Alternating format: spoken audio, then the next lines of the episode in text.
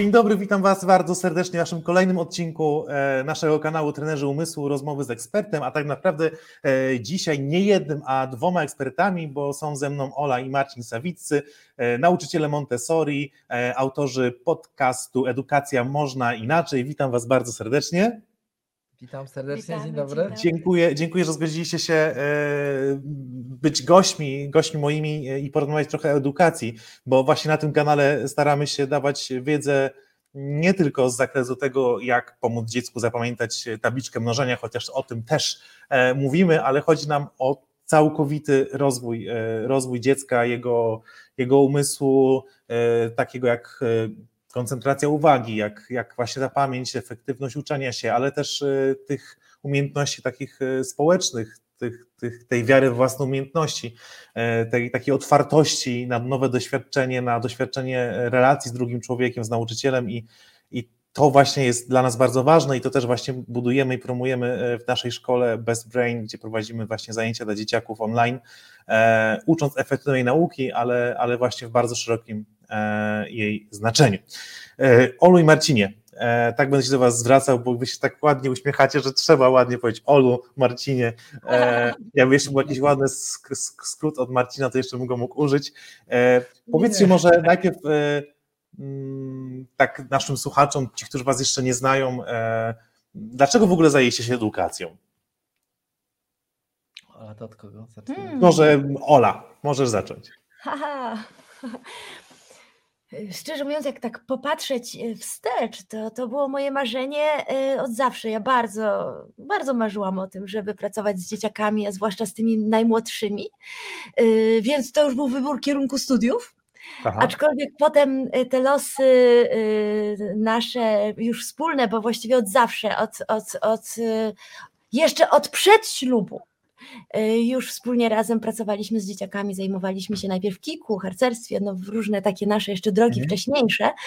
Natomiast od samego początku y, już takiej naszej zawodowej jakby części życia, to pracowaliśmy razem, prowadziliśmy wspólnie szkoły i to już trwa dużo, dużo ponad 30 lat ale coś, co nas chyba tak niesamowicie umocniło i, da, i nadało sens, nadało taki kierunek mhm. Y, w ogóle, jeśli chodzi o to, o to życie edukacy, edukacyjne, to były już wspomniane przed chwilą, przed naszym spotkaniem tutaj na antenie laski i spotkanie z ludźmi, którzy przyjechali z kolonii, ze szkoły Montessori na Gilbachstrasse i, z który, i którzy pierwszy raz y, pokazali nam metodę Marii Montessori.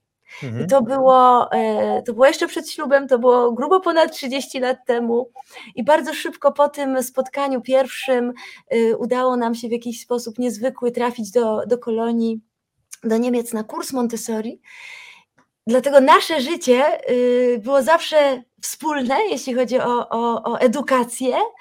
Zawsze robiliśmy to razem i właściwie ponad te 30 lat jest również związane z metodą Montessori. Także gdy zakładaliśmy kolejne szkoły, gdy, gdy pracowaliśmy z dziećmi y, czy z młodzieżą, właściwie na wszystkich tych etapach, od, od przedszkola po, po liceum, po maturę, to metoda Montessori jest i była tym, co, co, nadawało nam najgłębszy sens i było taką naszą ogromną pasją. Jest, Mar nadal. Martin, a ciebie pociągnęła Ola, czy razem się ciągnęliście do tej edukacji? Nie, nie ze mną było tak, że ja jestem starszy od Oli, tak. A nie dużo. E, ale generalnie to było tak, że ja już pod koniec pod szkoły podstawowej e, zacząłem wsiąkać w ruch harcerski. Mhm. I w dużej mierze e, to, co robiłem, było związane z taką działalnością no, Y, nazwę to także wychowawczo-edukacyjną, to znaczy jakby praca jako drużynowego, zuchowego, później harcerskiego. Ta część zuchowa była bardzo, y, bardzo ważna, ponieważ ona szczególnie przy tych małych dzieciach, zuchach zmuszała ciągle do jakichś takich pomysłów, bycia nieustannie aktywnym i, i była takim wychowawczo, takim, takim nawet zadaniowo operacyjnie dużo większym wyzwaniem niż później samo harcerstwo ale generalnie, y, y, że nawet gdy skończyłem studia, które skończyłem studia ekonomiczne, bo skończyłem jeszcze z GPIS, później z GH, y, to gdy po, po ukończeniu studiów miałem coś ze sobą zrobić, to gdy padła taka możliwość pracy w szkole, tworzącej się szkole społecznej, i poprowadzenia tam w jakiś oryginalny sposób świetlicy, to takim naszym, mo, moim, a po pół roku już wspólnym chyba, czy prawie że od razu wspólnym doświadczeniem wspólnej pracy, to było właśnie rozpoczęcie pracy w tej szkole społecznej jako, jako, jako pan od świetlicy. I a szczególnie mi się to podobało, ponieważ świetlica była teoretycznie taką, taką, taką, taką terra incognita, to znaczy cokolwiek tam zrobiłeś, to każdy się cieszył, że coś się działo poza oglądaniem wideo, które wtedy było bardzo popularne, bo że w świetlicach pojawiły się telewizory i odtwarzacze wideo, więc dzieci były zajęte. E, I, e, i ta, ta świetlica, i ta harcerskość połączona z tą świetlicą, i ta swoboda w tworzeniu tej przestrzeni, a z drugiej strony też tak jakby potrzeba, że dzieci, które wychodzą po iluś godzinach tej szkoły, mają wejść w przestrzeń, w której będą zadowolone, szczęśliwe i też będą coś jeszcze ciekawego robiły. One w jakiejś mierze, jakby dodając do tego, co Ola mówi, yy, ukierunkowały jakby taki sposób myślenia w ogóle o szkole i tym czasie spędzanej ze szkoły, w, w szkole. Także ja od momentu w zasadzie ukończenia studiów yy, cała cała przygoda od razu to się zaczęła właśnie ze szkołą właśnie w ten sposób i to tak jakby uzupełnia to, co mówiła, bo w podstawie części to, to, to gro historii opowiedzianej przez Ole miała miejsce wspólnie. Poza tym no, my jako narzeczeńsko spotkaliśmy się w grupie kikowskiej, bo ja tam byłem wychowawcą i potrzebowałem pomocy kogoś, y, pomocnicy wychowawcy. No siostra Ola była w mojej grupie i powiedziała, że jest starsza siostra, no i historia była bardzo romantyczna, ale generalnie spowodowała, że jesteśmy tu, gdzie jesteśmy. Ale też, jeśli mogę jeszcze dodać, to wydaje, wydaje nam się, że też trochę ten nasz edukacyjny Y, ta edukacyjna historia trochę dzieli się na takie dwie, czyli ta jeszcze warszawska, i później od y, momentu naszej decyzji przeprowadzki w góry, czyli dokładnie 22 lata temu, y, i otworzenia nowej szkoły w miejsce zamykanej przez gminę malutkiej szkółki w Koszarawie Bystrej, i decyzji, że otworzymy tę szkołę, przeprowadzimy się już wówczas z czwórką dzieci, jeśli będziemy mogli ją poprowadzić metodą Montessori. I potem już właściwie ta nasza historia się tutaj bardzo mocno już y, jakby koncentruje na stricte bardzo głębokiej pracy montessoriańskiej, ale też jeśli chodzi o edukację domową, która dzięki metodzie Montessori trafiła do nas tutaj y, na ten koniec świata. No i takie doświadczenia już dalej rozwija. Strasznie tak. trudno to wszystko w jednym zdaniu. Ja to, bardzo, tak. ja to bardzo, bardzo czuję, o czym mówicie. E, właśnie, właśnie my, my z żoną e, My się poznaliśmy e, po 10 tygodniach, się oświadczyłem i potem za parę miesięcy mieliśmy ślub, więc jak na te czasy to było to super, ekstremalnie szybko, ale my byliśmy pewni, że to jest od Pana Boga jesteśmy do siebie. E, I zaraz potem założyliśmy, e, w sumie przed ślubem, miesiąc wcześniej założyłem działalność, założyłem, zrobiłem pierwsze zajęcia i potem zaczęliśmy rozwijać naszą szkołę bez brain, tak jak Wam wspominałem przy naszym spotkaniu, gdzieś tam coś się rozwinęło na tam już 20 ponad trenerów, około tysiąc uczniów i pamiętam jeszcze do tej pory, jak na porugu małżeństwa moja żona mówi, że Best Brain już stało się taką częścią naszej rodziny, że to właściwie jest takie nierozłączne i rzeczywiście w tej edukacji jesteśmy e, od zawsze faktycznie, odkąd się znamy i i to, jest, to są, to są duże, duże rzeczy, kiedy się robi coś wspólnie od początku i to się przeplata z życiem, bo myślę, że wtedy staje się takie bardziej e, prawdziwe. Zresztą to słychać po tym, jak, jak o tym opowiadacie. Ja też mogę opowiadać o edukacji z taką taką prostą pasją, bo no, to jest coś, co, co się czuje, e, ale zastanawiam się, e, czy nie jesteście zmęczeni tą edukacją po tylu latach pracy, czy jakby, czy, czy nie było takiego momentu, albo nie jest teraz, że, no bo to się bardzo zmienia, ja mam takie doświadczenie niby w porównaniu z waszym 30-letnim stażem działania tak mocno w edukacji, a moim, kiedy założyliśmy na dzień dzisiejszy, to jest 12 rok idzie, kiedy zacząłem prowadzić kursy Best Brain, E, to mam wrażenie, że już przez 11-12 lat ogromnie się edukacja zmieniła, jakby ogromnie się zmieniła nawet nie edukacja, wszystko to jest wokół, na świecie, całe, e, cały przekaz, szybkość komunikatów i tak dalej. I tak zastanawiam, e, czy po 30 latach czujecie cały czas tą samą werwę i pasję do tego, żeby, żeby wchodzić w tę edukację młodych ludzi? Powiem tak, jeśli mogę zacząć. Tak jest tak, że tak jak mówisz, że bardzo wiele rzeczy się zmienia, my mamy taką. Mm, jakby to powiedzieć, nie wiem, czy to jest cecha, czy to jest jaka, jakaś wielka potrzeba, czy też y, jakiś dar, może nawet bym tak powiedziała, że my bardzo lubimy tworzyć nowe rzeczy i, y, i rozwijać.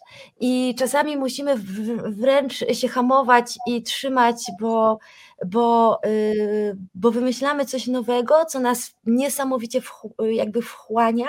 Czasami to jest niebezpieczne, bo ile można tych nie, nowych rzeczy w kółko tworzyć nowych, ale jest tak, że no na przykład mówiąc o dzisiejszym dniu i o dzisiejszym czasie obecnym, y, dwa lata, półtora roku temu otworzyliśmy takie nowe miejsce, nazwaliśmy je Dom Montessori, to jest w ramach innowacji pedagogicznej, mhm. w ramach szkoły stacjonarnej, nie szkoły dla edukacji domowej i to nas tak mocno w tym momencie absorbuje, że oprócz tego, że zajmujemy się całą fundacją i jakby prowadzeniem tych wszystkich naszych szkół w ramach fundacji, to jesteśmy teraz na co dzień z dziećmi w szkole. Dzisiaj właśnie tutaj y, biegliśmy szybko, żeby się nie spóźnić.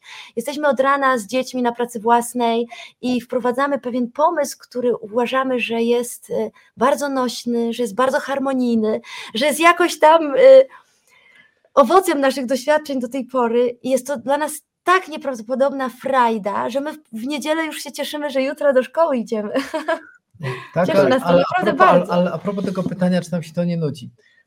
Zmęczeni jesteśmy y, z zewnętrzem, mhm. ale nie tym zewnętrzem od strony, zmieniło jakby wiedza, trendy, otoczenie.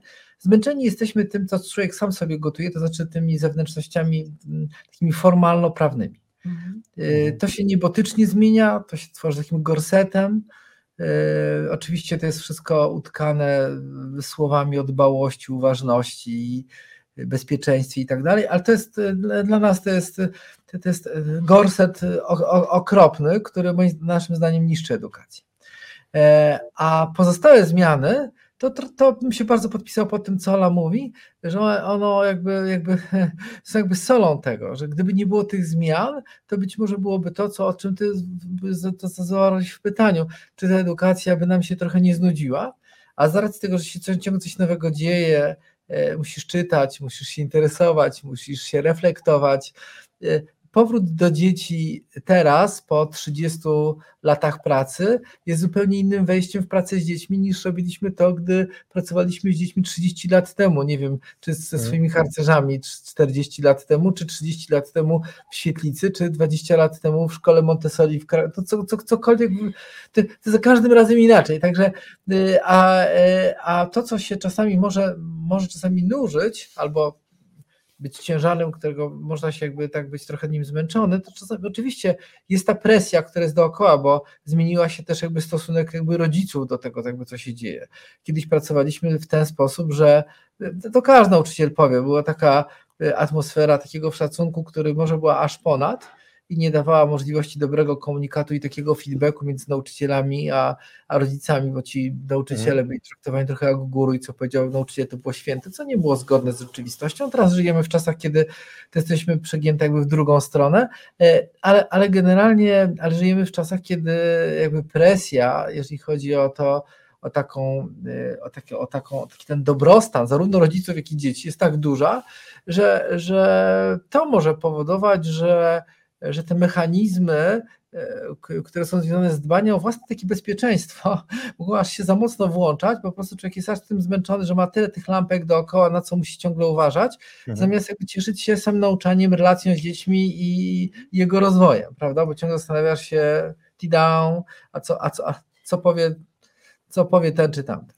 Ale też y, bym jeszcze dodała do tego, co mówi Marcin, z racji tego, że też mieliśmy wiele takich sytuacji, gdy byliśmy proszeni o otworzenie szkoły, bo nie wiem, bo szkoła zamykana w wiosce, mhm. albo jest taka generalnie potrzeba, zawsze sobie stawialiśmy takie pytanie, czy jest szansa na współpracę w tym miejscu? Czy w tym miejscu spotkamy ludzi, którzy będą gotowi na wejście w relacje, na, no po prostu na, na zwyczajnie na współpracę? Mieliśmy sytuacje, w których po prostu, dajmy na to, gmina czy urzędnicy bardzo chcieli, czy, ale my widzieliśmy, że to nie jest w ogóle zgodne na przykład właśnie na przykład z wolą mieszkańców. Lub odwrotnie. Lub, odwrot, lub odwrotnie. I wtedy uważaliśmy, że nie ma to sensu, że, że nie ma sensu wchodzić Kłócić w konflikt. Tak. Męczą nas konflikt. Tak, tak. I kłótnie. Tak, ale, ale w stanie tak, byliśmy w stanie bardzo wiele zrobić, żeby od, wbrew naprawdę wszystkiemu dojeżdżać codziennie 70 kilometrów y, do, do szkoły, którą na przykład otwieraliśmy, a wiedzieliśmy, że to jest nośne miejsce, że to jest miejsce, w którym naprawdę ludzie tego bardzo pragną, pragną dokładnie y, jakby tej innej edukacji, że to jest miejsce, w którym to się może ponieść, gdzie następni to pociągną. Także to. Ale, znaczy, no... tak, może tak już trochę lądując w tym pytaniem, to ja chciałem tak podkreślić, że może to przychodzi z wiekiem, ale bardzo doceniamy sobie sytuację, w której jest pewna zgoda, bo ta zgoda jakby buduje, jakby praca w, w, w, w środowisku takiej akceptacji, braku konfliktów jest komfortowa. Mhm. A żyjemy z kolei w czasie niezwykłych roszczeń, wszystkich do wszystkich. I co powoduje, że te konflikty są jakby częste, albo ta łatwość transferowania wyroków, y, osądów, y, dzielenia się różnymi koncepcjami jest taka, że ktoś zamiast zmienić szkołę, miejsce czy pomysł, pracę, cokolwiek, whatever, to, y, to, to czasami woli jakby, jakby dążyć do jakichś dużych konfliktów. I ja nie mówię, że w ogóle konflikt jest czymś złym, bo uważam, że jest bardzo fajnym, kiedy mm. zderzają się pewne wizje czy tak. koncepcje. Tak. Tylko czasami, szczególnie na tym poziomie formalno-prawnym, walczenie z różnymi instytucjami, czy w różnych sytuacjach z grupami osób yy, i zapominanie o tym, że jestem tutaj po to, żeby uczyć dzieci, tak jakbyśmy zapytał, czym jestem czasami zmęczony, to właśnie tą formalną stroną tego, tego, tego otoczenia ale wiecie co, tak y, to niesamowite mi w ogóle pęka głowa od pytań ilości, jak mi się nachodzą do, do głowy, kiedy was słucham, ale ogromnie mi się spodobało, Olu, jak powiedziałaś przed chwilą, nie wiem, czy to jak, jak, na ile to było intencjonalne z twojej strony, ale mówisz, y, że wchodziliście do jakiegoś miejsca, gdzie y, ludzie nie byli otwarci na tą relację i poprawiłaś na tą współpracę. I jak gdyby pierwsza powiedziałaś relacja i to było cudowne, jakby to pokazuje, że czujecie, że edukacja to jest relacja. I jakby my cały czas to powtarzamy też w naszej szkole, że bez tej relacji nie da się nic zbudować. Choćby był super nauczyciel, ale kiedy nie zacznie odbudowania relacji z dziećmi, to, to nic z tego nie wyjdzie po prostu. I jakby to od mhm. razu widać, że to jest dla was tak naturalne, że nawet na to nie zwrócicie uwagi, a i tak o tym mówicie. E, ale, e, przepraszam Cię Bartku, jak mieliśmy kiedyś na samym jeszcze lata mhm. temu, nie wiem, z 15 lat temu, tworzyliśmy e, w ramach strategii naszej fundacji, bo co 3, co 4 lata przygotowujemy w zespole mhm w ramach naszej, naszego zespołu strategię fundacji, to, to, to było chyba już 20 lat temu, wybraliśmy takie dwa słowa, które mhm. miały nas y, charakteryzować. Nawet na naszym samochodzie mieliśmy namalowane z logo naszym mhm. Y, relacja i pasja. Okay. No relacja, i pasja. relacja i pasja. I ta tak, relacja wygrywała, ta, ta relacja wygrywała. Y, wiesz, ja bym jeszcze dołożyła tak troszkę z takiego punktu widzenia bardzo praktycznego, tutaj patrząc, tworzenie relacji z dzieciakami, no to w ogóle podstawa, to wiadomo, ale ja bym jeszcze bardzo mocno dołożyła tworzenie relacji z rodzicami.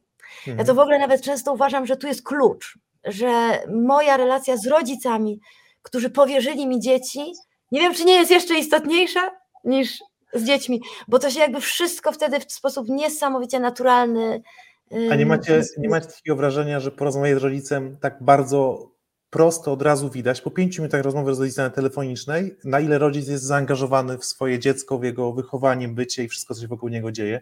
Ja mam wrażenie, my dzwonimy do rodziców naszych uczniów, e, jest to dla nas standard, który, który robimy e, i te rozmowy są dla nas czymś fantastycznym dla nas, bo widzimy owoce naszej pracy, o których normalnie nam nie powie rodzic, bo dla niego to jest, on to widzi i nikt o to nie pyta. Z drugiej mhm. strony dla rodzica e, super, bo, bo wie, co mamy w głowie, co my chcemy przekazywać jego dziecku i tak dalej. Ale właśnie z trzeciej strony bardzo mocno widać, że są rodzice, którzy naprawdę e, ogromnie znają swoje dzieci, ale są też tacy rodzice, którzy mają, w moim odczuciu przynajmniej, mają takie podejście, że w sumie szkoła powinna zrobić swoje i ich nauczyć i najpierw wychować, no, ja jej zapisałem e, do takiej szkoły na takie zajęcia. Nie wiem, czy macie takie, takie, takie spostrzeżenia. E, jestem ciekaw, e, czy, czy, czy jak gdyby do Was się zgłaszają tylko rodzice tacy świadomi tego, co niesie ze sobą cała metodyka Montessori, czy też tacy, którzy słyszeli, no coś fajnego, to zróbcie z moim dzieckiem to, co jest dobre. Mogę zacząć, tak, tak? tak, tak? Ja przyznaję, że tu jesteśmy bardzo często zaskakiwani, E, ja osobiście to powiem za siebie, tak? E, bardzo uważam e, sferowaniem jakby takich ocen czy wyroków z takim trochę klasyfikowaniem rodziców. Bo czasami okazuje się, że ten pewien poziom zapału, emocji, energii, który rodzic wyraża w takiej rozmowie, mhm. czasami nie przystaje albo jest inny, albo nie przekłada się w jakiejś mierze na jego relacje czy sposób funkcjonowania samej tej pociechy. Mhm. Y, często jest tak, że rodzic sobie coś projektuje albo projektuje całą tą rzeczywistość dla dziecka, która nie do końca jest y, y, zbieżna z dziecka, z dziecka talentami, możliwościami czy zamysłem. A na dodatek może być zupełnie inaczej odbierana przez dziecko niż to rodzic sobie wyobraża. Ale bardzo sobie cenimy, przed, może zabrzmi tak głupio, ale tak jak w przyrodzie bardzo ceni się różnorodność, Mhm. Bardzo sobie cenimy w tych miejscach, gdzie jesteśmy, różnorodność dzieci i rodziców, z którymi współpracujemy. E, a tam taki przykład, jak do teraz przenosząc się tutaj od tych 22 lat, no teraz, dla nas to jest ciągle teraz jakoś tak dziwnie, ale e, przenosząc się, to jakby y, mamy bardzo dużo bardziej zróżnicowane środowisko niż wtedy, gdy uczyliśmy w, na przykład w mieście, w Warszawie czy w Krakowie, gdziekolwiek, e, ponieważ to są zarówno rodzice, którzy tu mieszkają, którzy się przeprowadzili tutaj, mieszkali gdzieś indziej, którzy się przeprowadzili z dużych miast specjalnie załóżmy do tych naszych szkół i tak dalej, i tak dalej. I ta różnorodność jakby y, powoduje, że to, to środowisko jest tak jakby bardziej słucha siebie nawzajem, nie jest takie bardzo, mam wrażenie, ci rodzice są bardziej wrażliwi i na siebie i na nas, i zaskakujące czasami jest to, że rodzice bez specjalnie wielkich oczekiwań, którzy tak jak trochę mówisz, może tak, wydaje się, tak nie doceniają tej roli tego, co szkoła może dać, ale później w efekcie, co do współpracy, czasami sobie bardziej to doceniają niż rodzice, którzy mhm. mają taką całą listę tych oczekiwań, a później tak. jest tylko taka checklista, czego my jeszcze nie spełniliśmy. Tak. I dlatego tak odpowiadam, mam nadzieję, że nie mętnie, ale, ale w ten sposób, że bardzo trudno nam powiedzieć coś takiego. Była taka rozmowa, spodziewamy się takiego efektu. E, są takie rozmowy i ciekawi jesteśmy, co z tego jakby wyniknie, e, choć można powiedzieć o jakichś tam tendencjach, prawda, ale bardzo cenimy sobie to, że pracujemy w miejscu, gdzie mamy tak bardzo różnych rodziców e, i, i, i mamy jeszcze jeden plus. Mamy taką sytuację, że z racji tego, że do nas da się ciężko dostać w sensie geograficznym.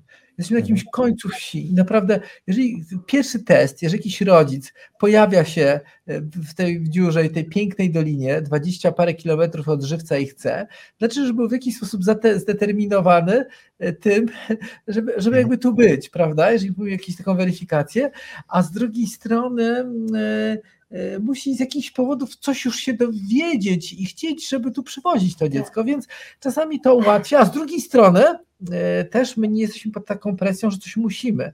E, może to jest trochę taka ulga po wielkim mieście, którego przywróć wyjechaliśmy te 20 parę lat temu, że nie, nie, nie, nie czujemy się ciągle, jakbyśmy współpracowali z klientami, E, albo byli klientami, tylko generalnie jesteśmy, jesteśmy nauczycielami, którzy chcą się opiekować waszymi dziećmi, to są rodzice i ten układ też jest taki bardzo, mam wrażenie, taki przyjemniejszy, taki bezpieczniejszy tak. dla wszystkich. Znaczy bardzo dużo działamy na zaufaniu.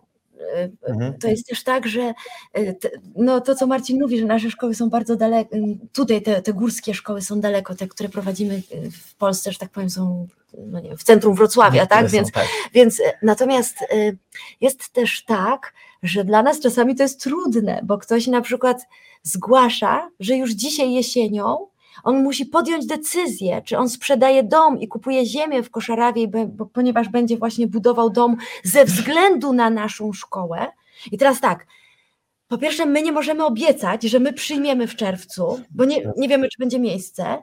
Po drugie, nie, nie wiemy, oczekiwania są czasem tak ogromne. W tej chwili to, co powiedział Marcin, nie wiem, czy to tak do końca wybrzmiało, ale rzeczywiście bardzo wiele rodzin się przeprowadziło tutaj do nas, do naszych szkół, które tutaj na południu prowadzimy.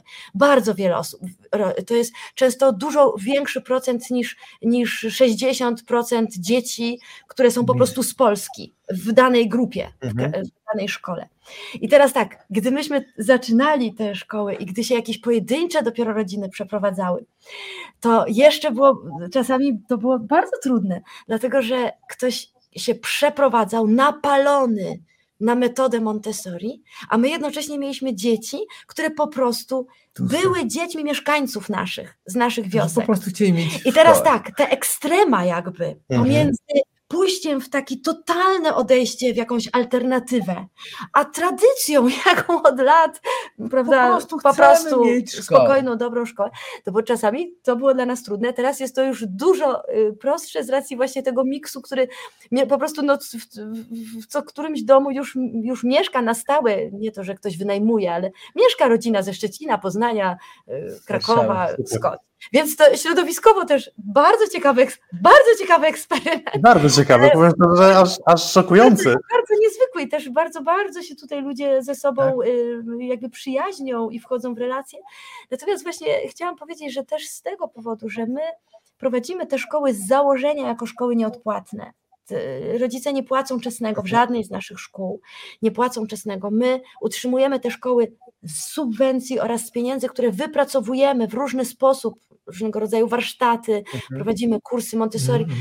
Generalnie chodzi o to, że y, ludzie, którzy przyjeżdżają jakby do nas, y, czy, czy też dają dzieci do naszych szkół, my nie mamy te, tej presji, że ktoś zapłacił i, i wymaga. My możemy po prostu powiedzieć, my proponujemy to, i zapraszamy Państwa do współpracy tak. w takim wymiarze, ale my nie mamy noża na gardle, że ktoś tam, nie wiem, tak, wy, choć, wy... choć by, żeby tu była jasność, prowadziliśmy kiedyś szkołę płatne i też mamy takie poczucie, że gdy szkoła jest płatna, to, to teoretycznie jest taka sama sytuacja, z tym, że tak trochę jak ten miecz Damoklesa wisi to, że jednocześnie ta szkoła utrzymuje się z czesnych, jakby taki pewien stosunek, jakby taki pewien taka, takie poczucie jakby bytu, takie finansowe jest bardziej jakby uzależnione, od mhm. tego, czy ci rodzice są, czy nie są, ale generalnie e, musimy przyznać, że to nam daje też takie poczucie e, takiej swobody w obu stronach, ze strony rodziców i naszej. Mhm. E, jesteśmy bezpłatni, proponujemy to, przez to, że jesteśmy bezpłatni, możemy nawet trochę mniej, to znaczy nie musimy mieć zajęć do 17, tylko mamy do 14. Zależy nam, żeby to była bardziej oferta edukacyjna, tego załóżmy koncentrujemy się na metodzie Montessori i jakby to jest łatwiej z rodzicami jakby takie wynegocjować tą przestrzeń co tu jest takiego, co według nas jest jakby cennego i wartościowego i rodzice łatwiej widzą to, to jest tu te clue, dla którego ja chcę lub nie chcę dawać dziecko do szkoły. O, no właśnie. Uzupełnić jeszcze jedno słowo, bo mhm. to mi się wydaje, że to może być ważne. Chociaż pomimo tego, że nawet y, ten nasz ostatni zamysł, który prowadzimy, nazwaliśmy Dom Montessori, to był taki nasz pomysł, Dom Montessori, ale my, wprowadząc w ogóle wszystkie nasze szkoły, my zakładamy, że my nie zastępujemy dzieciom domu. U nas nie ma obiadek, śniadanek, yy, każdy przynosi z domu to, co wsiadamy wspólnie do stołu. Nie Mamy atmosferę domową, ale my nie zastępujemy domu. Obiad to jest w domu z rodzicami, z mamą, czy, czy, czy, czy, czy obiad kolacja. Czy my nie, nie jesteśmy nianią, a jeżeli ktoś potrzebuje, no to trudno, musi sobie już kogoś y, jakby załatwić. My uważamy, że dla dziecka do godziny 14 to jest po prostu tyle od rana i dziecko musi wrócić do domu, no to niech będzie babcia, niech będzie niania, niech będzie kto inny, ale nie my jako znaczy, szkoła. Znaczy musi. No dobrze jest, kiedy może, prawda? Tak, Bo są tak. to, jest, to jest coś, co jest ogromnie spójne ze mną prywatnie, jakby to mnie pociąga w szkole, do której teraz y, chodzi na zajęcia moja córka, e, że właśnie 14 i koniec, nie? I czasem jest trochę wcześniej, bo taki grafik, czasem 14.45, ale to jest ten moment, kiedy ja wiem, że, że do tej godziny mam też pozamykać swoje sprawy, jeżeli to jest możliwe w większości zawodowe, żeby potem być tutaj i tworzyć to, co jest najważniejsze, e, rodzinę, prawda, i relacje budować i pokazywać życie. Ale to się bardzo wiąże e, z moim pytaniem e, kolejnym, bo jak byłem małym chłopakiem, tam nie wiem, nie, może miałem z 9 lat, może 10 lat, ja byłem dyslektykiem, dysortografikiem, dysgrafikiem, bardzo wolno czytałem i w ogóle E, I tata chciał mnie zmotywować, żebym zaczął szybciej czytać, żebym się do tego, e, do tego jakoś bardziej przyłożył i mówił, i miał taką motywację, że bo wtedy, wtedy jeszcze internetu nie było tak powszechnego, tam dopiero czasami to się płaciło za jakieś tam kilobajty, w ogóle wszystko było totalnie inne niż teraz. No ale argumentem mojego taty, takim fajnym, jak teraz perspektywy patrzę, rodzicielskim, było to, że najpierw muszę zacząć czytać z jakimś tam tempem, no bo przecież Bartek, kiedy będziesz się logował do tych bibliotek w internecie, to za dużo czasu zajmie ci przeczytanie tych książek, a przecież będziemy płacić za każdą minutę internetu. Oczywiście mówię to teraz, widzę, że to była bardzo duża mądrość mojego taty, żeby po prostu mnie zmotywować, żebym zaczął szybciej czytać. No dobrze, ale te czasy minęły. E, teraz naprawdę e, dostęp do wiedzy jest nieograniczony, szybkość przekazywania informacji i ich weryfikacja jest możliwa dość, dość dobra i, i można skorzystać z dobrych źródeł, które są w dalszym ciągu open source'owe i można nauczyć dziecko z nich ko korzystać. E, I trochę ten taki zamysł, że szkoła jest tą, tym miejscem, gdzie przekazujemy wiedzę, staje się zupełnie nieprzystający do dzisiejszych czasów. Mhm. E, niektórzy już to widzą, niektórzy jeszcze nie widzą. Są nauczyciele, którzy zaczęli pracę nie wiem, w latach 80. na przykład, kiedy to było oczywiste, że ta wiedza jest do przekazania, a nie coś innego. I moje pytanie jest takie, z tej perspektywy waszych wielu, wielu lat pracy i też to w alternatywnej edukacji, co tak naprawdę, tylko że jedna rzecz, co tak naprawdę ma za zadanie zrobić szkoła? Jakby co jest tą najważniejszą rzeczą, którą mamy nauczyć młodego człowieka przez lata jego edukacji w szkole? Jaka to jest umiejętność? Jakbyście jedną czy dwie mogli wybrać? E, jestem bardzo ciekawy tego. Mhm. To, to, to ja może zacznę, e, jeżeli miałbym brać taką jedną podstawową umiejętność, to to, co mnie y, y, urzekło w metodzie Montessori. To znaczy y, umiejętność zorganizowania się i uczenia się. Zorganizacja czasu, miejsca i przestrzeni i nauczenia się, uczenia się. Eee, z tego wynikają kolejne rzeczy. Jak się umiem uczyć, to, eee, to działa jakby, jakby to powiedzieć, równolegle w obie strony. Uczę się rzeczy, które interesuje się, ale rozglądam się i tak dalej. To możemy jakby mhm. długo snuć opowieść, ale żeby to, żeby pozostało jakby to sedno. Y, tworzymy miejsca, w których staramy się, aby dziecko miało dobrą nauczy- atmosferę, jeżeli chodzi o relacje i o przestrzeń, i w której generalnie mogłoby się po prostu uczyć, uczyć, mogło się w ogóle uczyć. Super. Więc ja, ja, ja się pod tym podpisuję ręka, no, rękami, nogami, absolutnie. Natomiast dodałabym jeszcze taką jedną rzecz, Mianowicie to jest też jedno z mm, założeń montessoriańskich, czyli tworzenie grup. Dzieci pracują w grupach różnowiekowych, czyli grupach, które jakby z założenia nastawione są na współpracę, y, mhm. gdzie nie mamy, gdzie wycinamy właściwie to, z czym się zmagają, zmaga większość szkół tradycyjnych, czyli równowiekowych grup y, dzieci, mhm. grup młodzieży, gdzie jest po prostu ta totalna konkurencja i, i bez przerwy porównywanie się i ciągle dociąganie do jakiegoś, nie wiem, wymyślonego przez dorosłych poziomu. A tutaj w momencie, gdy pracujemy w grupach różnowiekowych, jesteśmy natychmiast otwarci na współpracę, na pracę we własnym tempie, na otwartość na to, co mnie w danym momencie interesuje, czyli na tą taką niesamowitą wrażliwość patrzenia na dziecko na co dziś jest najbardziej otwarte, co może wchłonąć w sposób ciekawy, szybki, y, szeroki, y, czy, czym może za, zainspirować, czy też zarazić innych. I też wydaje mi się, że tutaj jest bardzo ważny ten moment, w którym my jako y, w szkole, w którym my jako ludzie dorośli, którzy przychodzimy do tej szkoły, mamy taką szansę, mamy, takie, mamy taką, no, taką pozycję, gdzie możemy w jakiś sposób no, być takim świadectwem. Myślę, że myślimy o tym też dużo z Marcinem, że teraz na przykład młodzi ludzie potrzebują świadków, nie potrzebują e, teorii, nie potrzebują takich jakby recept, to wszędzie jest tego pełno. Potrzebują ludzi, którzy żyją tym, czym żyją naprawdę. I jeśli stworzymy w tym miejscu szkolnym taki, taką przestrzeń, w którym dzieciaki mogą e, nauczyć uczyć i nauczyć współpracować, patrz, patrzeć na siebie nawzajem. To, to jest to taka jest nasza. To jest My to moje, moje doświadczenie, bo właściwie no, to tym się zajmujemy tak w gruncie rzeczy w naszej szkole, to nauczyć się uczyć, ale poprzez wielowymiarowe y, y, działania, nie tylko chodzi o samą technikę, zrób to i to, żeby się nauczyć, tylko całe, całe gdy podejście do nauki, wyrobienie tego aktywnego słuchania u dzieci i koncentrowania się, selekcji informacji, to wszystko tak naprawdę chodzi o to, żeby się nauczyć uczyć i też działamy według nasz, takiej naszej koncepcji góry lodowej, że na początku w edukacji to, co jest najważniejsze, to jest zbudowanie koncentracji uwagi, e, utworzenia ciągów logicznych, wyobraźni, potem wchodzą różne metody, techniki, potem budujemy nawyki, dopiero na tym e, dziecko może odnieść jakiś swój tak zwany sukces edukacyjny, nie? bo mam wrażenie, że wielu teraz rodziców to, co chce, osiągnąć e, to, żeby dziecko, a zapiszę je na angielski, żeby miało ten język, albo zapiszę go na, na tam programowanie, żeby miało potem taką pracę i trochę skupiamy się jako rodzice często za bardzo na tym sukcesie, nie dbając o to, co jest pod, podstawowe, czyli o to właśnie umiejętność e, świadomego wykorzystania swojej wyobraźni, koncentrowania się na zadaniu i tak dalej. E, więc jak gdyby to jest bardzo, bardzo mi bliskie, o czym mówisz. Pamiętam do tej pory wypowiedź takiego ucznia, którego uczę, uczę, uczę parę lat, właśnie można powiedzieć uczenia się, ale tak naprawdę robimy przeróżne, przeróżne ćwiczenia.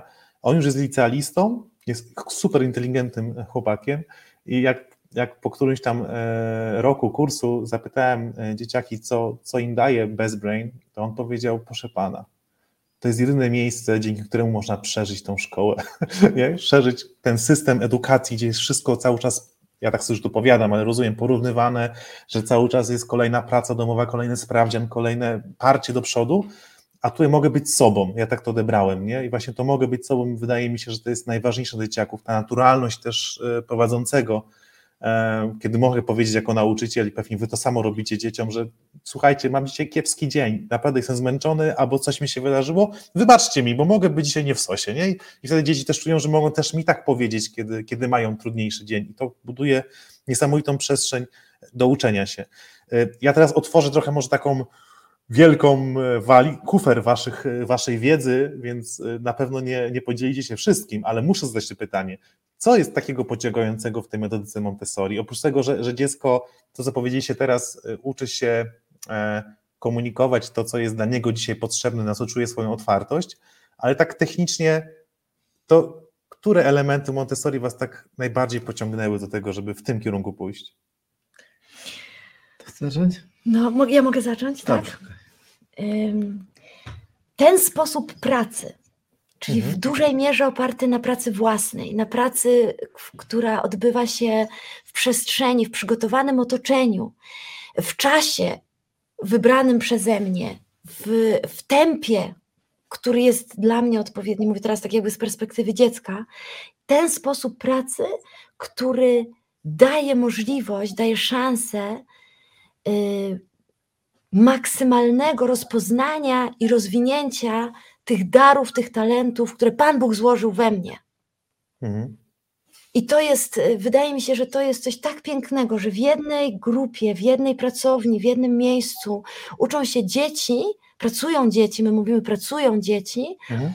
Które w przyszłości, może ktoś będzie profesorem, ktoś drugi będzie kapitalnym szewcem, kierowcą, ale to będą ludzie szczęśliwi, którzy rozwinęli swoje talenty, które my jako nauczyciele pomogliśmy im odkryć, pomogliśmy im rozpoznać, pomogliśmy im wyjąć na światło dzienne, ale jednocześnie stworzyliśmy przestrzeń, to przygotowane otoczenie, w którym oni te talenty, te dary mogą rozwinąć i nimi służyć. Super. To jest Super. takie moje.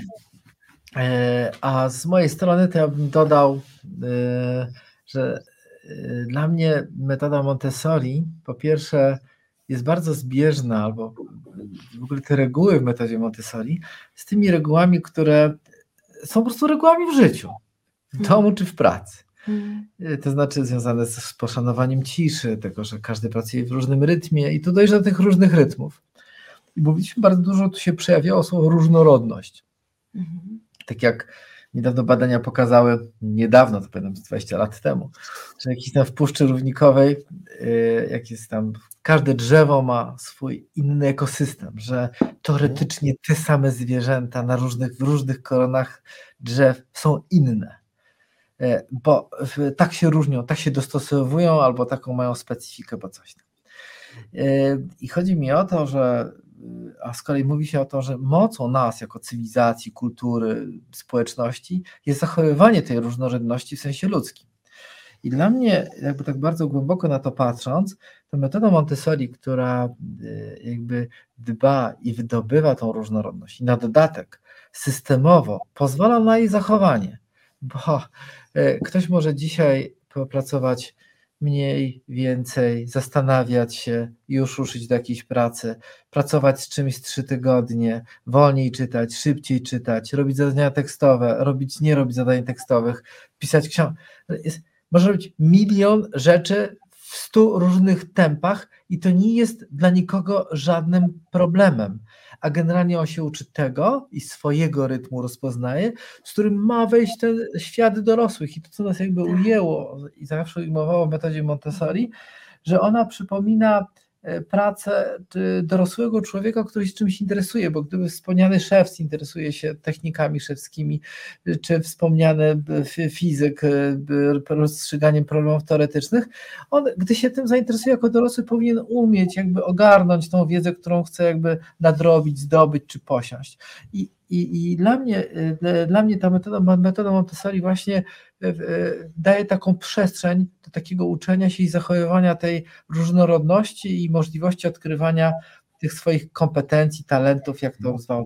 Ja bym jeszcze dodała do tego, co Marcin mówi, jeszcze jedną rzecz, że właśnie dzięki metodzie Montessori dajemy dzieciom szansę na uczenie się tej samodzielności, na branie mhm. odpowiedzialności w swoje ręce, na poważne branie odpowiedzialności. Mhm.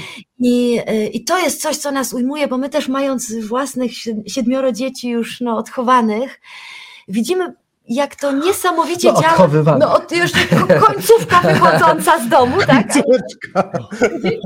Większość już jakby założy, za, no, założyła i no, swoje rodziny i wyszła z domu. I, I my po prostu widzimy, że to jest jeden z większych owoców, to dawanie w ich ręce to jest wasze życie, to są wasze decyzje, wy za to bierzecie odpowiedzialność. Nawet jeżeli, teraz wracając do tej pracowni Montessori, nawet jeżeli to czas, kosztuje nas bardzo dużo czasu, bo my mhm. też jesteśmy często niecierpliwi jako nauczyciele, kiedy on wreszcie zacznie.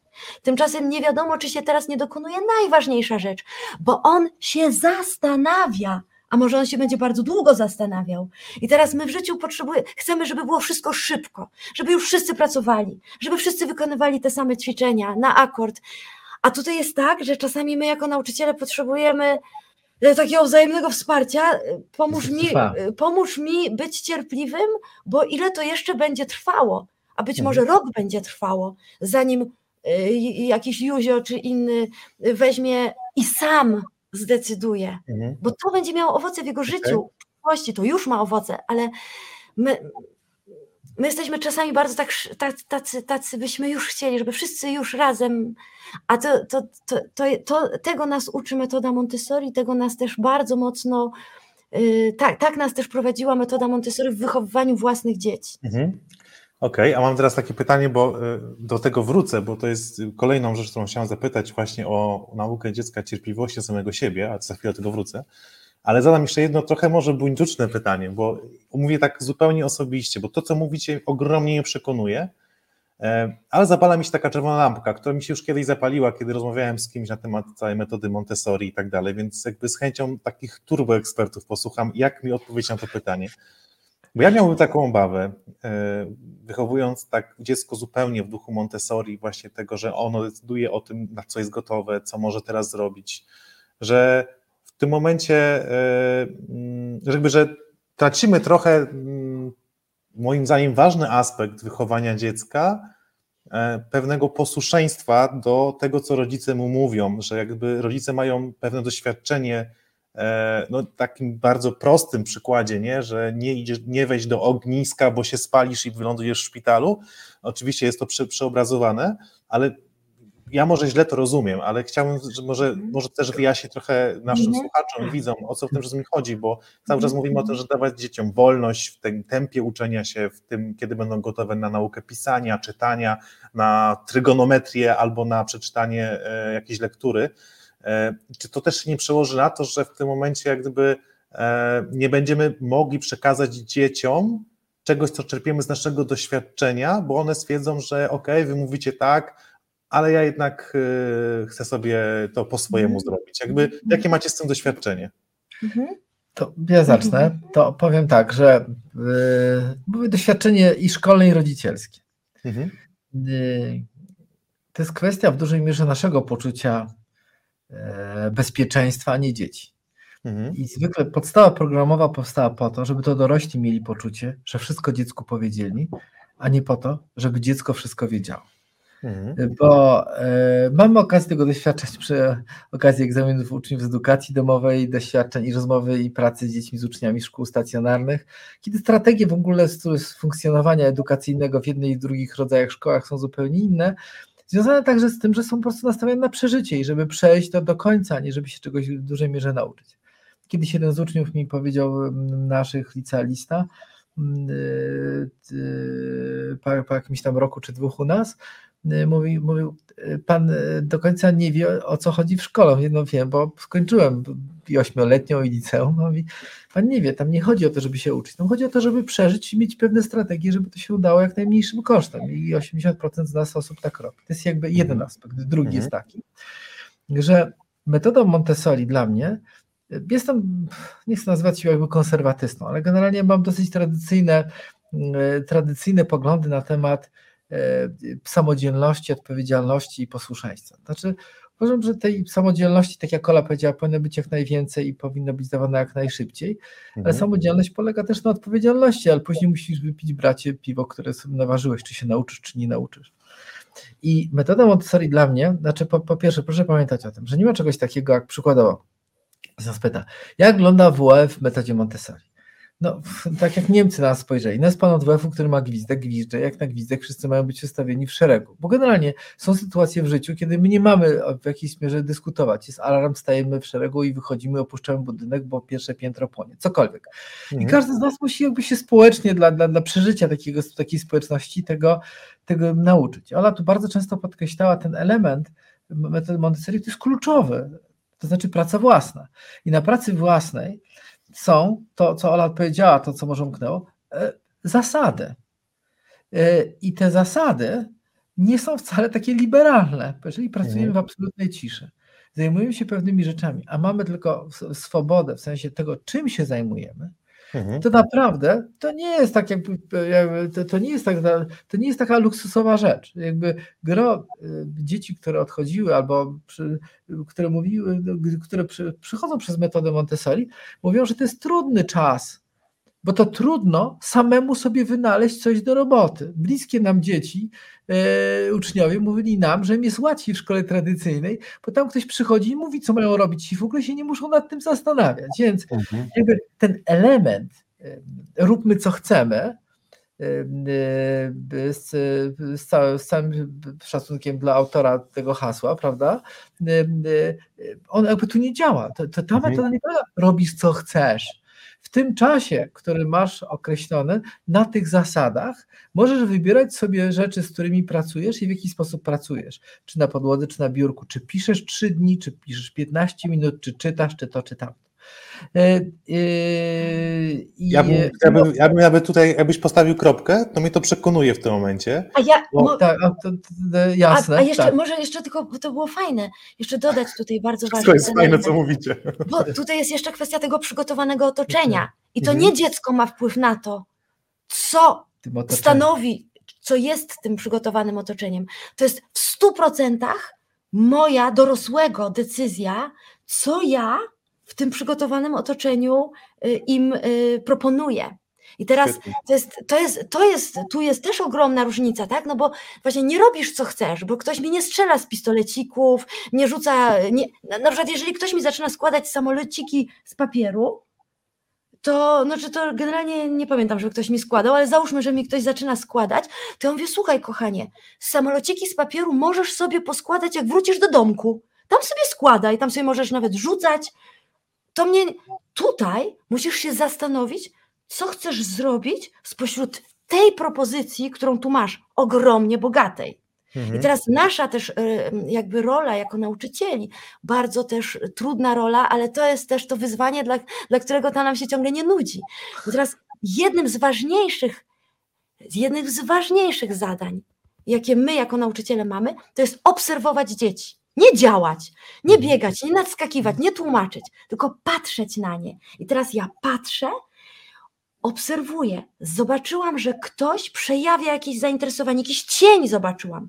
To moim zadaniem teraz jest, jakby rozwinięcie tego, zaproponowanie, bo on może Mhm. jeszcze nawet do końca nie wie, czym się zainteresował, ale ja już wiem na przykład, że to jest kierunek kosmos, gwiazdy, niebo, a nic nie mam w pracowni. To jest moje zadanie teraz, nie w klasie piątej, w drugim semestrze, jak będzie temat astronomia, tylko w, w, dla siedmioletniego dziecka przygotować materiał na jutro, na pojutrze, bo zobaczyłam, że on zobaczył gwiazdę albo otworzył książkę, w której coś było. Super. Także my jako nauczyciele, my nieustająco, patrząc na nie, proponujemy Świetnie. Tylko, co się tu tylko, tylko bym dzieje. dopowiedział jedną rzecz, tak Mhm. jakby nawiązując do tego, mm, bo są ładne takie historie, że ten samolocik też można wykorzystywać, bo to, bo tamto i dzieci też mogą robić samolociki, ale uwaga, pewnie gdyby Ola widziała, że on zajmował się aerodynamiką, fizyką i by, by oglądał książki o samolotach i zrobił ten samolot, to, to też jest pewna też pewnej, pewnej, pewnego kontekstu tych samolotów, bo jeżeli Mhm. dziecko robi coś z nudów, na przykład nie wiem, 16 tydzień koloruje księżniczki z książeczki, którą dostał od mamy, żeby w ogóle coś robiła na tych zajęciach, bo na tej metodzie Montessori to, to, to, to niczego nie uczą, a mąż chciał, żeby ona tam poszła. Co, wiecie, takie są czasami takie, takie rozmowy, no to wtedy wkraczamy, nie, no daj spokój z tymi kolorowankami, bo zobacz, jest tyle fajnych rzeczy. I to potem z tymi samolotami, prawda? Jeżeli może się powiedzieć kontekst, dla którego w cudzysłowie ten samolocik czy okręt z plasteliny jest jakimś elementem jakiejś pracy, tylko chodzi mi o to, że to- jeszcze jakby bym chciał podkreślić, co dla mnie jest jakby ce- cenne i ciekawe w, w, w, w pracy montessoriańskiej, że to jest taka, ta uważność, o której mówiła Ola, na przykład ma się jakby skupiać też na tym, że rozmawiamy z dziećmi i jest taka, taka pola dyskusji, na przykład słuchaj, czy ty robisz to, żeby mieć święty spokój, żeby się ciebie nie czepiał, czy rzeczywiście cię interesuje e, to, czym się teraz zajmujesz? Co Super. cię w tym interesuje, tak? A dlaczego? A co sądzisz, mógłbyś jeszcze z tym zrobić, tak? Nic innego. To jeżeli już nic innego z tym nie zrobisz, to a, i, i wiele rozumiesz, jeżeli chodzi o relacje, nawiązywanie do rozmów i stawanie jakby w takiej konkretnej rzeczywistości, to metoda Montessori jakby daje dużo więcej okazji takich realnych rozmów na temat tego, co się teraz dzieje w tobie albo dlaczego coś robisz, niż taka rozmowa, wiesz, w klasie, no, czy dokończyłeś już ćwiczenie? Mam taki, dotyczy. mam taki powiem- konkretny przykład fajny. yy, Nie damy z- ci tego to, było, to była grupa gimnazjalna, jak prowadziłam pracę własną i pamiętam, jak jedna dziewczynka otworzyła National Geographic. To jest takie sztampowe, typowe. Jak po prostu, jak chcesz się za coś schować, to najlepiej National Geographic, no bo to takie naukowe. I to dzisiaj pamiętam, że ona otworzyła na gepardach. I pamiętam, jak się tak nachyliłam nad nią, a to widzisz gołym okiem, że, że to jest jakby zasłona. To jest to, żeby dać jej spokój. sytuacji. tak. A w tej sytuacji tak Ale w tej sytuacji, ta, oczywiście, bo kto, ja Tak, tak, tak, tak. pamiętam, się zapytałam, czy, czy naprawdę interesują cię te gepardy? I ona tak fajnie tak, tak spuściła powietrze i mówi, że nie. Ja mówię, słuchaj, to po prostu usiądź, po prostu popatrz, przejdź się, zajrzyj, co inni robią.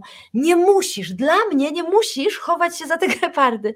Ale jeszcze chciałam jedną rzecz dodać a propos tej wolności, bo to też jakby nie dotyczy tylko i wyłącznie takiej sfery rób co chcesz, jeśli chodzi o naukową stronę, ale ja mam przykład z dzisiejszego poranka, kiedy po weekendzie spotkaliśmy się w kręgu rano. Zwykle kończymy kręgiem, ale spotkaliśmy się, żeby dzieci mogły opowiedzieć, bo zawsze przynoszą dużo po niedzieli.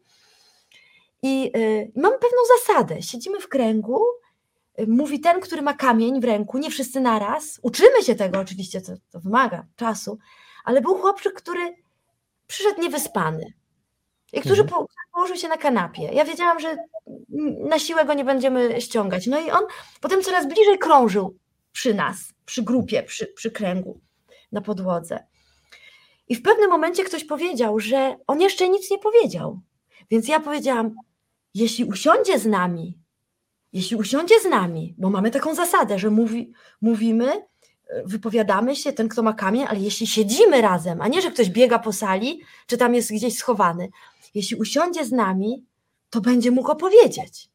Ale na razie nie chce z nami usiąść. I teraz chodzi o to, że jest, jest kilka, nie szereg, nie jest dużo tych zasad, ale jest takich zasad też w, w metodzie Montessori, takich zasad życiowych. Mhm. Mówi ten, który ma teraz kamień, słuchamy się nawzajem. Mówi, mówimy, jeśli jesteśmy wszyscy razem. Jeśli ktoś nie chce towarzyszyć, no to nie ma Jeżeli tego nie sam. pracują, mówimy szeptem. Mówimy totalnie szeptem. Nie, moj, ja mogę robić bardzo dużo, ale ja nie mogę nikomu przeszkadzać. Jeżeli ta Mhm. moja wolność zaczyna wchodzić tutaj, to ja jako nauczyciel jestem od tego, żeby natychmiast jakby zadbać o, o, o tą. O to. Także tutaj jakby nie jest to samowola, nie jest to, y, jakby nie robię co chcę, no to jest... Ja, ja wiedziałem, że jeżeli zacznę was coś pytać o Montessori, to zacznie tutaj y, mnóstwo i jakby to jest absolutnie zrozumiałe, mamy trochę ograniczone czasowe, ale muszę wam bardzo pogratulować, bo jak, jak naprawdę no, moje życie jest y, całe w edukacji jak gdyby myślę, że przede mną jeszcze mnóstwo lat w tej edukacji, e, zanim będę miał takie doświadczenie, takie jak wy, ale jednak już te kilka tysięcy godzin e, warsztatów, zajęć poprowadziłem, ostatnio to liczyłem. E, I do tej pory nikt, naprawdę nikt jeszcze mnie nie przekonał e, w tym argumencie, że metoda Montessori jest dobra, a wy to zrobiliście. Także bardzo Wam dziękuję za to, bo poczułem to bardzo mocno i się bardzo cieszę, że w końcu znalazłem kogoś, kto mi to tak prosto przedstawił. Mam nadzieję, że dla, dla naszych słuchaczy to też było ważne i zrozumiałe. Jeszcze odniosę się do tej różnorodności, że mnie to zawsze fascynuje, że przyzwyczailiśmy się, że odcisk palca identyfikuje nam sprawcę złego, e, złego czynu i że no każdy ma inny odcisk palca, prawda? No jejku, mamy dwóch podobnych ludzi, to jest takie wow, nie, że to są chyba bliźniacy, niemożliwe, że nie jesteście bliźniakami, jakiś sobowtór i że to musi być, mamy ileś miliardów ludzi na świecie i każdy musi wyglądać inaczej, ale rzadko kiedy, myśląc o mózgu człowieka, myślimy w ten sposób, że mózg to mózg, ty masz mózg, ja mam mózg, on ma mózg, więc mózg działa tak, że naciśniesz tu i on zadziała, a naciśniesz tu i się wyłączy, że mózg jest no, miliony razy bardziej skomplikowany niż odcisk palca, prawda, i jest tak różnorodny i jakby ta różnorodność i dostrzeżenie tej różnorodności, że podejście do, że my możemy dać dziecku narzędzia, ale jak on wykorzysta te narzędzia w kontekście mózgu, który dał mu Pan Bóg, to już jest naprawdę rzecz niesłychanie jednorazowa w całej historii ludzkości i stworzenia, bo jest inny mózg, a narzędzia są tylko tego, jak to wykorzystać. To jest też bardzo tożsame ze mną. I jeszcze mam dwa pytania, jedno krótkie na końcu, ale jedno, o którego obiecałem, obiecałem, że wrócę. W takim razie, bo ja mam wrażenie, że e, to jest chyba główny problem, bo teraz bardzo dużo osób, na przykład, które się do nas zgłasza, e, pisze, czy pomagamy dzieciom z ADHD. I jak gdyby problem, już nie mówię tylko o ADHD, ale w ogóle o problemie z koncentracją uwagi, ze skupieniem. I wydaje mi się, że to, to, bardzo, bardzo wynika z tego, że teraz wszystko musi być na już, tak? Że ja włączę mikrofalę, muszę mieć już ciepłe jedzenie, że ja y, potrzebuję obejrzeć coś telewizji, bajkę, to masz iPada, dziecko, obejrz sobie tą bajkę, a jak potrzebuję, bo jestem głodny, to mama teraz daj mi jeść, bo potem już jak to możesz teraz nie mieć jedzenia dla mnie? I zawsze efekt jest już teraz i dzieci są tego nauczone, że potrzebują cukru, no to mają cukier, potrzebują tego, mają to. I teraz tak samo się przynosi w szkole, no, że ja chcę już mieć tą wiedzę albo tą umiejętność, a to już trwa 5 minut i jeszcze ten nauczyciel mnie tego nie nauczył i ja już się niecierpliwie i już jestem zdekoncentrowany. To w takim razie jak Jakie macie sposoby, żeby nauczyć te dzieci cierpliwości do samych siebie? Do tego, że ten drugi z grupy, może nawet młodszy ode mnie, czyta płynnie, a ja jeszcze nie potrafię i że to jest spoko, że to nie jest nic z tym złego. To, to mogę zacząć? Ja? Mhm. Pewne rzeczy, pewne rzeczy uczymy się, gdy znajdujemy się w jakimś środowisku po prostu. Jeżeli jest się harcerzem, Pisze kiedyś, podobało mi się na historii takie fajne zestawienie, jak armia amerykańska montowała swoje, przykowała swoje oddziały do inwazji na Europę, to miała żołnierzy w dużej mierze najpierw podzielonych na dywizje, które były z południa i z północy. Mhm. I te oddziały z południa były niesamowicie, nazywali ją strzelcy do wiewiórek, bo byli oblatani w lesie, świetnie znali się z bronią, strzelali. No bo generalnie na południu byli chłopcy, kiedy, gdzie, gdzie w większości żyli na wsi, w farmach i polowali na wiewiórki. Kolei ci z północy w ogóle w lesie gubili się w ciągu 30 sekund, nie wiedzieli gdzie są, no to świetnie znali się na samochodach, na różnych y, takich rzeczach, y, mechanice, kierowcy i tak. I osiągnęli niesamowite efekty, gdy połączyli y, żołnierzy z obu tych, zrobili takie formacje mieszane i to przyniosło dobry efekt. Ale zmierzam do czego? Że pewnych rzeczy uczymy się poprzez środowisko, w którym się znajdujemy. Jeżeli my dorośli stwarzamy im środowisko, w którym mówimy, tu jest cisza, tu są takie zasady, tu działamy w ten sposób, pomagamy, to, to pomoże ci się nauczyć skupić, wyciszyć, to wtedy może być jak się nauczyć. No i to w tej przestrzeni się nauczymy tego. Bo jeżeli my mówimy o ciszy albo koncentracji w, w atmosferze krzyku, hałasu, a także braku możliwości czasu na tą ciszę i koncentrację, kiedy robimy warsztaty z ciszy i koncentracji w szkole, gdzie cały czas dzieciom coś y, dajemy wykłady, i każemy ćwiczyć, jakby to powiedzieć, w rytmie i, i mówimy tempo, to, to, to, to, to, jest, to jest coś niezrozumiałego, prawda? To jakby tego się nie da. To, to nawet nie jest symulator.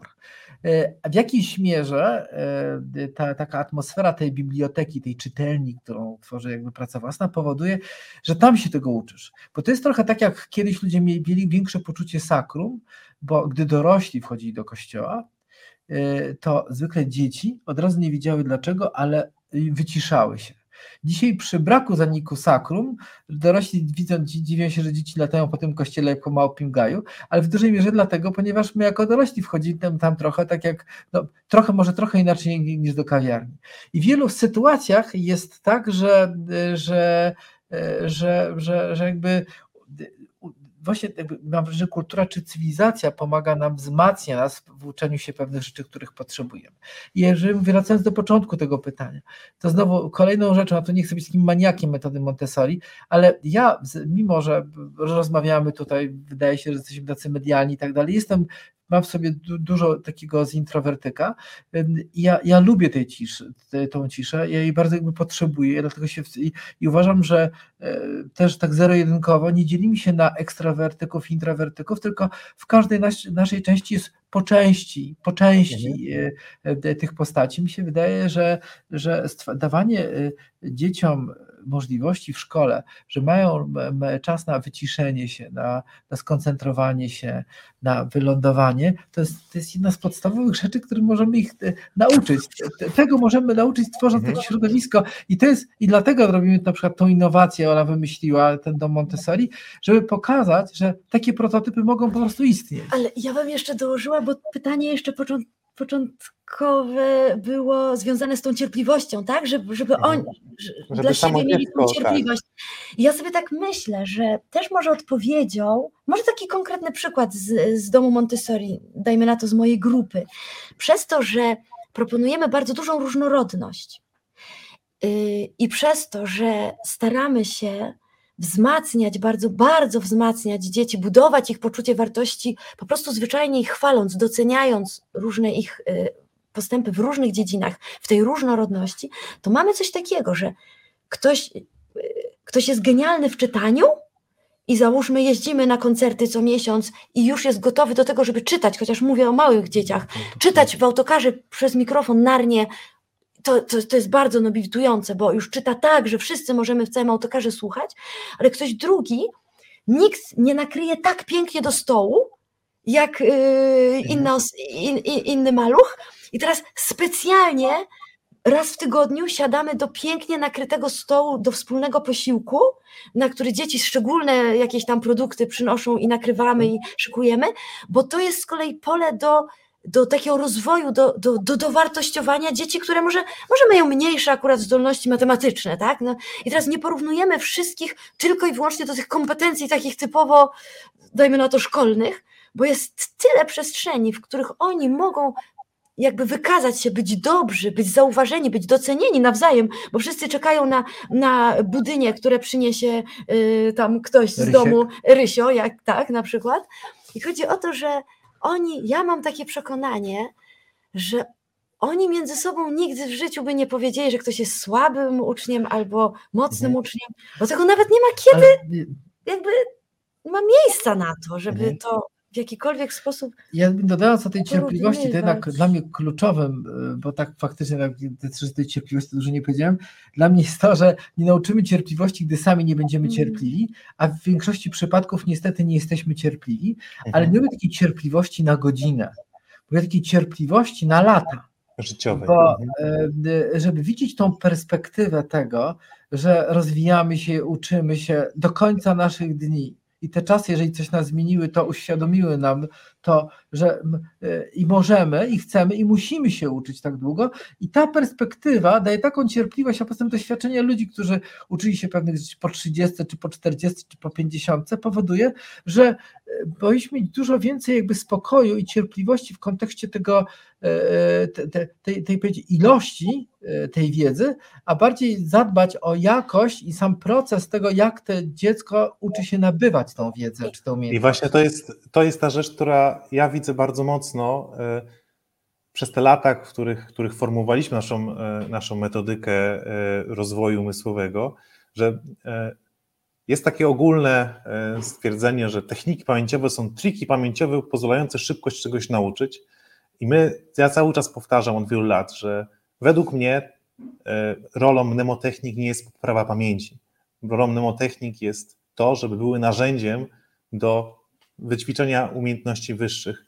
I jak pytam o tą cierpliwość, to też e, pytam o to, e, jak pokazać dzieciom e, ten taki wymiar właśnie całego, całożyciowy, ten wkład pracy, który który teraz wykonują, nieważne, czy to będzie na zajęciach naszych bez brain, gdzie się uczą zapamiętywać jakieś rzeczy na przykład i, i potem mają się łatwiej, lepiej koncentrować na zadaniach, czy to będzie e, czytanie wierszy na, na, na, na konkurs akredytatorski, ale że to jest praca budowy ich bycia, ich tożsamości tak naprawdę na całe życie, e, bo mam wrażenie, i to mi się bardzo, bardzo mi to jest spójne z Twoją odpowiedzią, Marcin, to co ja widzę, że jest bardzo wielu nas dorosłych, którzy wymagamy pewnego efektu, pewnego fajerwerku teraz, nie? Że moje dziecko to teraz, jak już chodzi te kilka miesięcy na język angielski, no to ono musi już umówić to, to, to i poradzić sobie w takiej, w takiej sytuacji.